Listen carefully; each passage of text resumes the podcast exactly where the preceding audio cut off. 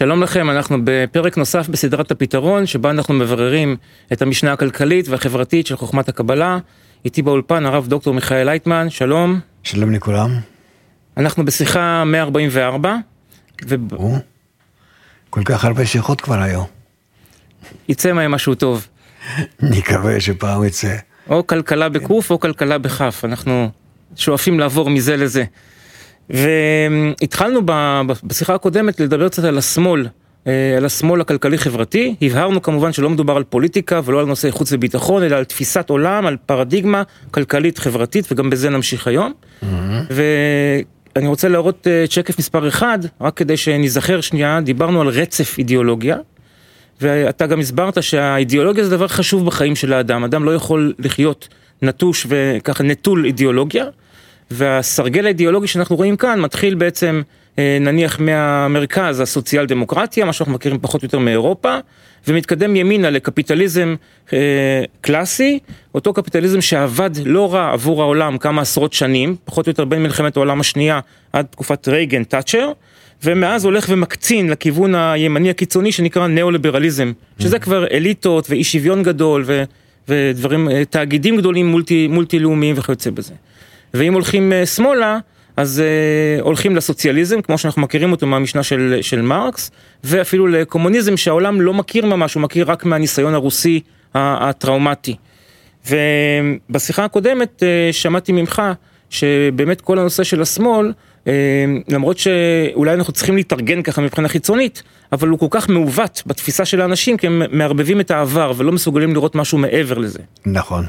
איך אפשר, אה, בתור ככה פתיחה רק שלך, איך אפשר להסביר לאנשים את ההבדל, אה, אה, את התקווה שמציע שמאל, שמאל נכון? אני לא מסתכל לא מצד שמאל ולא מצד ימין. אני מסתכל מצד הטבע.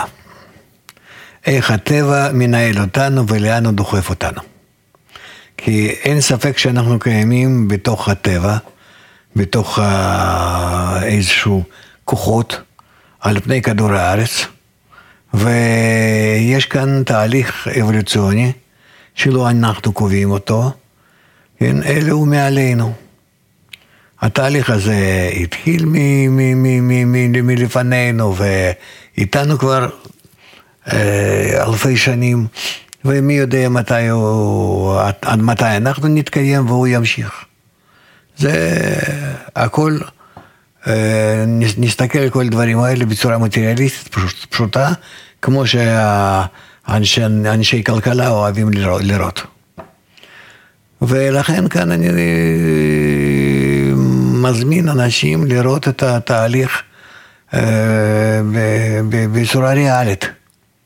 אנחנו רואים שההתפתחות של הטבע מתחיל להיות בעצם מכאוס, כללים, הפץ הגדול, כל מיני דברים שאנחנו רואים, ולאט לאט הדברים האלה הם מתחילים להיות יותר ויותר מסודרים. אה, מסתדרים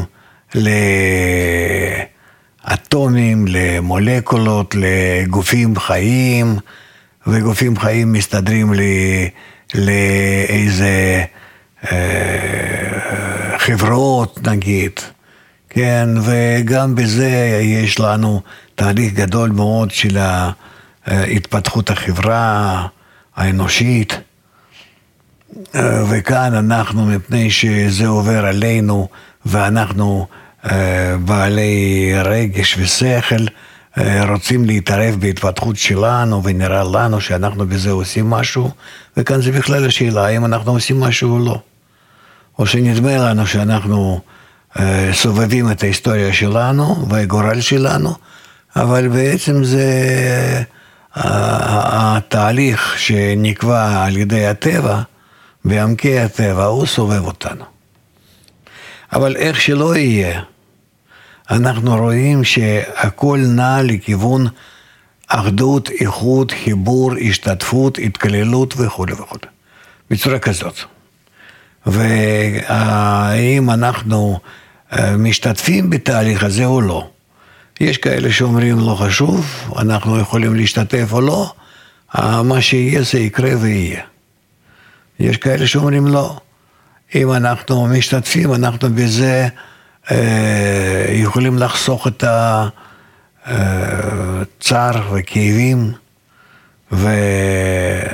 ויכולים לחסוך זמן בהתפתחות שלנו, שאנחנו לא מתפתחים על ידי טבע העיוור, שאנחנו מקבלים את זה כעיוורים גם כן, אלא בואו נלמד מה הטבע רוצה מאיתנו, ובואו אנחנו יכולים לנוח יחד עם חוקי הטבע.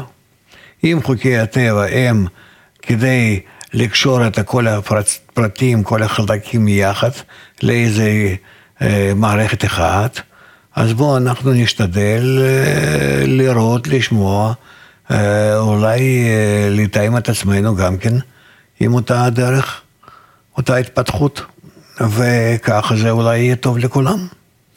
העניין הוא שכשבעל הסולם כתב שהוא בצורה טבעית נוטה לכיוון האידאה הסוציאליסטית שהיא הכי מתבקשת באמת זה מאותן סיבות בדיוק שאתה מציין שהטבע דוחף אותנו לכיוון של כמו שאמרת חיבור, אחדות וכיוצא בזה ועל פניו אה, נראה דמיון יותר גדול לאידאה הסוציאליסטית מאשר נניח לקפיטליזם שהוא אינדיבידואליסטי ואגואיסטי מאוד באופיו. Mm-hmm. זה ברור. רציתי לשאול אותך האם יש בכלל דבר כזה שלפי אותה תוכנית של הטבע שאתה מדבר עליה מדוע נראה לפעמים כאילו הטבע מחליט לדלג, לדלג על שלבים, או לעשות סוג של קפיצת זמן, או לקדם אותנו לא בצורה ליניארית, אלא פתאום לקפוץ ממצב לכמה מצבים קדימה. זה יכול לקרות ולמה? אה, אתה צודק. כך אני גם כן, שמסתכל על התהליכים שאנחנו עוברים, נראה לי שיש כאן איזה קפיצת הדרך. אבל זה מצד אחד. מצד שני, אני... אני, אני צריך לקבל את זה כדברים שקיימים וקורים ויקראו ואין ברירה אלה, או שאני לא מבין מה הטבע רוצה מאיתנו ובהדרגה שלו, לפי התוכנית שלו, הוא כך מקיים את התוכנית שלו, או שנותן לנו כאן איזה מין הזדמנות. ומשאיר לנו איזה מקום להשתתפות, ואנחנו רק לא מבינים מה עלינו לעשות, איך לקבל הזמנה הזאת בצורה נכונה ולממש. לפעמים ההזמנה הזאת, המימוש שלה יכול לקחת עשרות שנים, ואני רוצה, רוצה להלביש את זה על דוגמה. נו, לטבע יש זמן, זה ברור, כן? כן, אני רוצה להלביש את זה על דוגמה, ובבקשה לבקש את שקף מספר 3. אה, מרקס והתחזית המרקסיסטית להתפתחות אה, האנושית דיברה בעצם על איזשהו שלב של מהפכה תעשייתית. ואחר כך בצורה טבעית התפתחות הקפיטליזם ותור הזהב של הקפיטליזם ואחריו הקלקול שלו והקפיטליזם החזירי כפי שאתה רואה ואם נמשיך לשקף הבא אז מרקס, מרקס המשיך לדבר אה, על, ה, על הפרולטריון שמפתח את התודעה המעמדית, קולט את המציאות שהוא חי בה שמנצלים אותו ואז כתוצאה ממנו על מהפכה סוציאליסטית ועל בסופו של דבר כל מיני סוגים של קומוניזם שלא ניכנס אליהם כאן, קומוניזם גס, קומוניזם כן. טהור, פחות משנה. כלומר הוא תיאר איזשהו תהליך סדור של, של התפתחות שלב אחרי שלב. וזה נראה כאילו הטבע, הבורא, לא משנה איך נקרא לו, לקח את התסריט הזה ודילג בו על שלבים. נלך למשל על השקף הבא בבקשה, אפשר לראות שבפועל מה שקרה זה שבאומה הרוסית בקושי התחיל רק המהפכה התעשייתית והתחלת הקפיטליזם. אבל הם לא זכו לראות לא את תור הזהב שלו ולא את זה שהוא מקולקל. אני לא הייתי בכלל, אני לא הייתי בכלל, סליחה, לוקח בחשבון אה, חברה רוסית, והעם הרוסי ומה ששם נעשה. כי זה אה, עם יוצא דופן עם ההתפתחות לא, לא ליניארית, שפתאום אה, סיבבו אותו בולשביקים, העם לא רצה את הדברים האלה. הוא לא הלך עם ה... כל המהפכה הזאת, הוא לא ידע בכלל מה עשו ממנו. הוא היה מאוד מאוד אה, אה, עם כפרי, לא מפותח, לא מחונך, ללא... הוא אפילו לא ידע למי הוא מאמין, למה, במה הוא מאמין. אלא היו כאלו שלקחו אותם מה... זה כמו שיצאו אותם ממערות. ולכן אה, אני לא הייתי לוקח אותם כדוגמה. ברור, אה, אני רק שואל משהו אחר, אתה מדבר בדיוק על זה, על ההתפתחות הלא ליניארית. ומה שאני רוצה לשאול, לו היינו יכולים לעשות, כלומר אם האנושות לא הייתה עוברת את הקפיצה הזאת, גם את הקפיצה שהלבישו את זה בכוח ובפתאומיות על העם הרוסי שלא היה מוכן, וגם אחר כך שהם דילגו ישר מסוג של מהפכה תעשייתית ישר למהפכה סוציאליסטית, בלי שהתבשלה התודעה על הכישלונות של הקפיטליזם וכיוצא. כן. אם היינו לוקחים תסריט אחר, לו ההיסטוריה, הטבע, היה מנהל אותנו בצורה כזאת, שבאמת היה קורה שלב אחרי שלב, ניקח נניח את ארצות הברית של 2020. הם עברו את המהפכה התעשייתית, עברו עשרות שנים של תור הזהב של הקפיטליזם, מאמינים בחלום שלו, ועכשיו הם חיים את השבר של החלום הזה. ועל בסיס השבר של החלום הזה, הם מפתחים מה שמרקס קרא תודעה מעמדית. הצעירים במיוחד ועוד דורות אומרים, זה לא מה שביקשנו, זה לא מה שחשבנו, אנחנו רוצים משהו אחר. אנחנו לא רק צרה של אינדיבידואלים, אנחנו מעמד שלם שסובל משברו של החלום האמריקאי. Mm-hmm. אז שאלתי, למה אין, למה לא הייתה ליניאריות? למה יצא שבעצם הטבע דילג על שלבים ולקח את האומה הרוסית ממצב עוברי למצב מתקדם של סוציאליזם, בלי בדרך כל התהליך שאמור להבשיל את הלבבות ואת האנשים? תשובה, לפי דעתי. על רוסיה אין מה לדבר, שם אה, הם היו לא, לא בשל, בשלים לזה. ורצו לעשות בכוח את התהליך הזה לקפוץ לסוף. מה שאם כן באמריקה, הם אה, לא רוצים לקפוץ לסוף, אבל הם לא לקחו בחשבון דבר אחד. שהתהליך שאנחנו עוברים, הוא דורש מאיתנו להיות מוכן להתפתחות חברתית החדשה. שאנחנו נעבור שלבי החינוך החברתי, ואז כשאנחנו נהיה מוכנים לזה, אז אנחנו נעשה את השינויים לפי דרגת החינוך שלנו.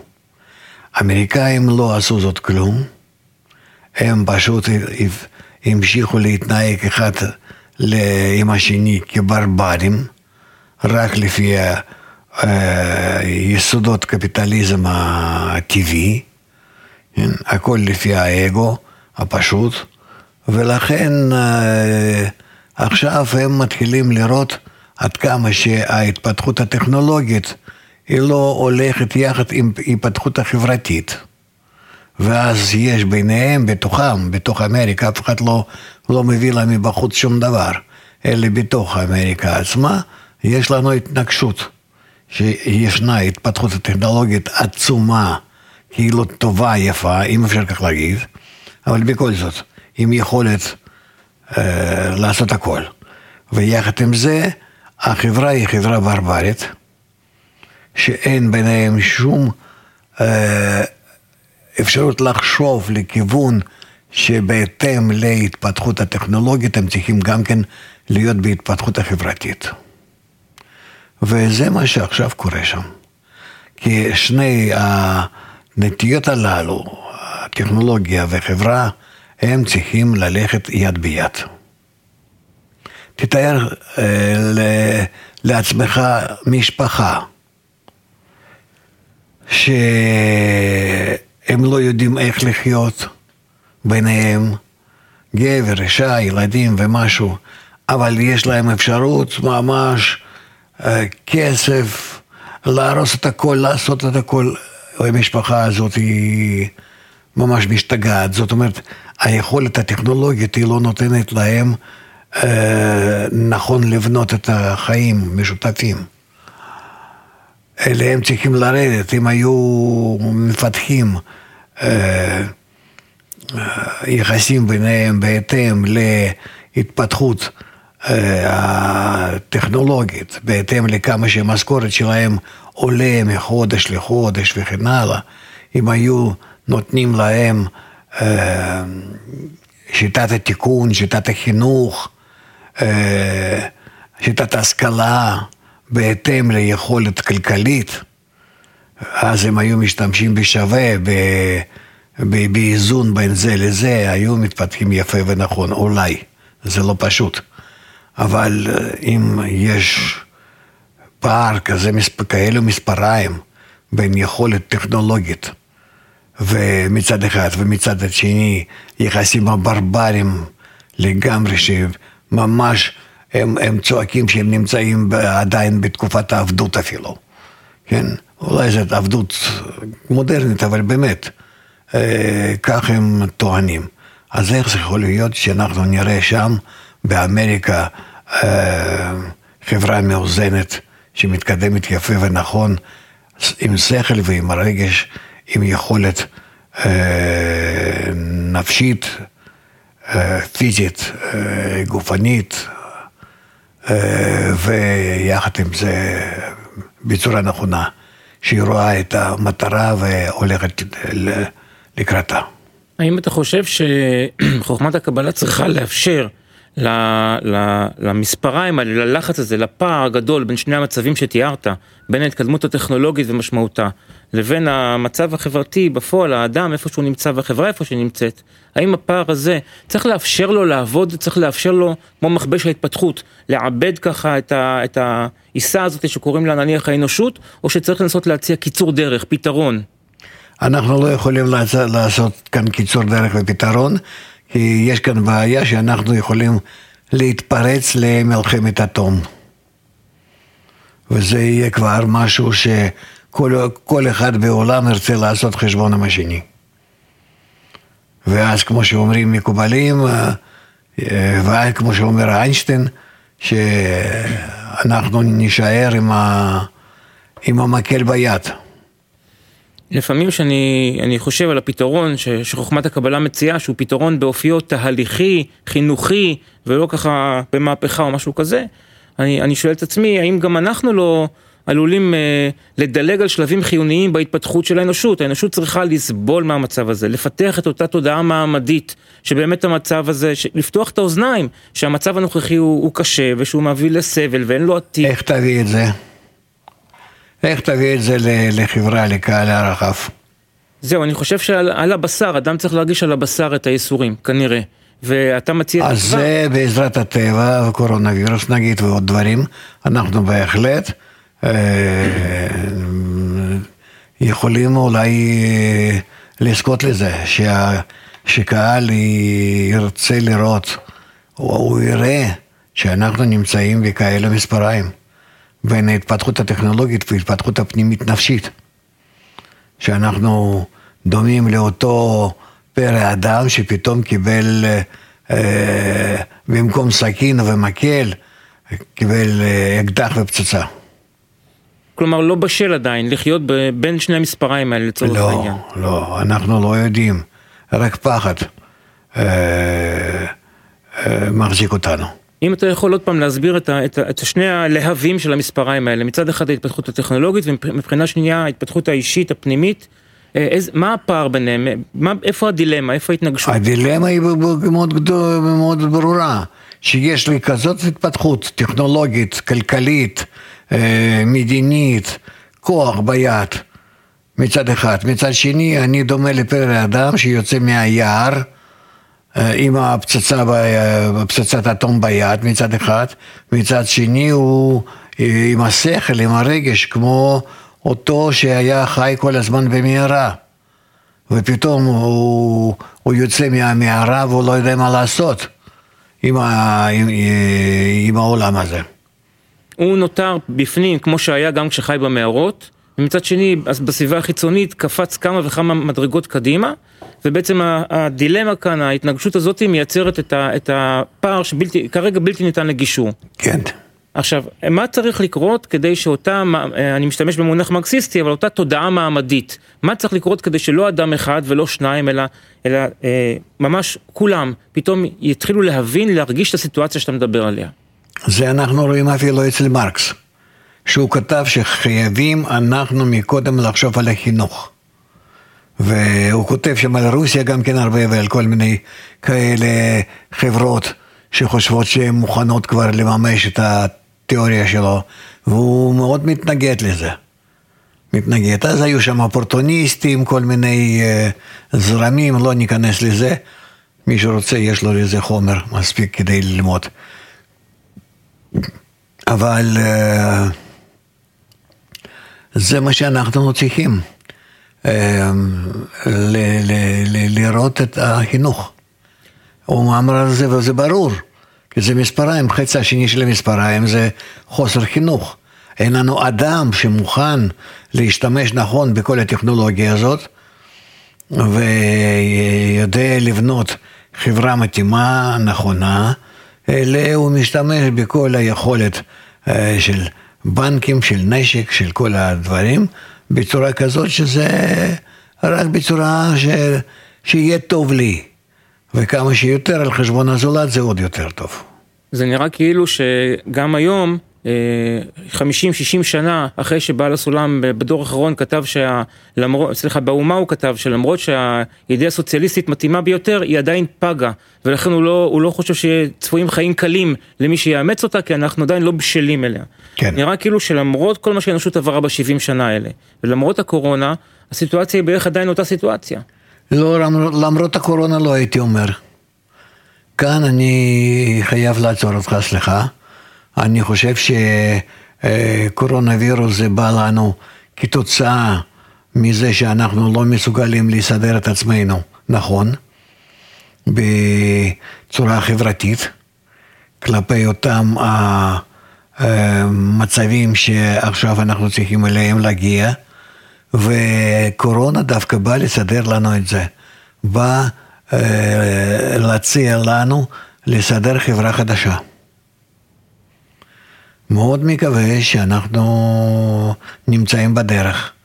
אני מאוד אה, סומך על הווירוסים האלה, ויבואו עוד כאלה, שהם יסדרו את האנושות ויתנו לאנושות כאלו הגדרות, כן, הגבלות, שהאנושות תצטרך לעבור אה, דרכם ולחנך את עצמה ולסדר את עצמה כך שהיא תהיה מתאימה להוליד שיטה חברתית וכלכלית חדשה לקיום האנושות המשותפת כעם אחד, כאיש אחד. וכך אנחנו נתקדם. כלומר בעצם אם אני באנלוגיה שדיברנו קודם אז הקורונה וירוס ואותו טבע שמנהל אותנו ביד נעלמה זה סוג של קפיצת דרך, זה סטייה מהמסלול הליניארי, פשוט קפיצת הזמן, האנושות הגיעה לשלב שבו הייתה צריכה את זה, כי אם היינו נותנים כן. לה להתפתח אחרת... ללא ספק. אוקיי, עכשיו אם זה לקראת לידה של אנושות חדשה, לקראת לידה כמו שאתה אומר של שיטה כלכלית חדשה וכיוצא בזה, אז אה, איך מזרזים את הלידה הזאתי? אני לא חושב שאנחנו צריכים לזרז את זה, זה עניין של הטבע. הטבע הוא חייב לסדר את הדברים האלה, אלא אני חושב שמה שאנחנו צריכים, הלוואי עלינו להבין מה הטבע דורש מאיתנו ולקיים את זה. אה, וכאן אנחנו צריכים אה, ללכת בצורה, אה, בהבנה ויחד כולם. אומרת, מה שצריכים כאן זה כמה שיותר להשתדל להיות יחד. בחברה הדדית, בהבנה הדדית, בחיבור הדדי, בתמיכה הדדית, כמה שאפשר יותר ויותר. בזה אנחנו יכולים לזרז את ההתפתחות שלנו, אם אפשר כך להגיד בכלל, על ההתפתחות שאפשר לזרז. אה, אבל זה מה שאנחנו עושים, אנחנו נעשה את זה. אנחנו צריכים רק יותר, להיות יותר סבלנים. העיקר עלינו קודם כל להבין איזה תהליכים אנחנו צריכים לעבור. לא, כי זה ברור שזה לא בידיים שלנו, וכמו שקורונה נפלה עלינו, כך היא תעשה איתנו מה שצריך. וזה לא חשוב כמה שאנחנו כאן אה, נשתדל להתנהג כך או אחרת, אנחנו קודם כל צריכים ללמוד מה הטבע דורש מאיתנו. הטבע דורש מאיתנו להיות מחוברים בצורה נכונה זה עם זה. אז אם ככה, מה בעצם על, על פי חוכמת הקבלה מחליף את השלב של המהפכה הסוציאליסטית? כי הסוציאליזם דיבר על אירוע חד פעמי, מהפכה, שאחר כך ממנו והלאה משתנים כל הדברים. זה אני לא בכלל לא מבין, איזה, איזה, איזה מהפכה כאן צריכה להיות. צריכה להיות מהפכה בתוך בני אדם, שהם צריכים להבין שהם משתנים. וצריכים לפי, לפי זה לבנות גם כן חברה בהתאם לזה, אבל קודם שינוי פנימי מפנימה החוצה צריך להיות, ולא אחרת. כי אחרת מהחוצה פנימה זה דיכוי על האדם, שאנחנו מתחילים לשבור אותו, לכופף אותו, שאתה צריך להיות אחרת, הוא לא מבין למה, בשביל מה, מה רוצים ממנו. ואז הוא יוצא לרחובות, ובאמת הוא צועק, ורוצה לשבור את הכל. וזה מה שאנחנו רואים באמריקה ובכל היתר מדינות, ועוד מעט אנחנו נראה את זה בכל העולם, גם בסין, בכל מקום אתה תראה את זה. זהו, כי דורשים מאדם משהו ש... שכביכול אה, אה, הוא לא מבין בשביל מה, למה? זאת אומרת, אם אנחנו לא נחנך אותו מקודם, הוא לא ירצה שום שינוי על עצמו, הוא ירצה רק, אה, הוא ירצה רק שינוי מחוצה לו. תנו לי מה שמגיע לי, ואז הוא יוצא לרחוב ושובר והורס והורג. המהפכה הפנימית הזאת, שהאדם, שכל אחד צריך לעבור, היא מושפעת גם מתנאי הקיום החיצוניים שלו, מהחברה החיצונית שלו. יש דיפוזיה, יש... יש כן, זה ברור. הדדית. ולפעמים אני חושב שהיום המצב הוא כל כך מצוקתי אצל כל כך הרבה אנשים, שהם לא בנויים, אפילו מבחינת צרכי הקיום הבסיסיים שלהם, להיות קשובים למסרים קצת יותר אה, בכיוון שאתה מדבר עליו. כן, אנחנו לא מסוגלים לעשות שום דבר עם הקהל הרחב.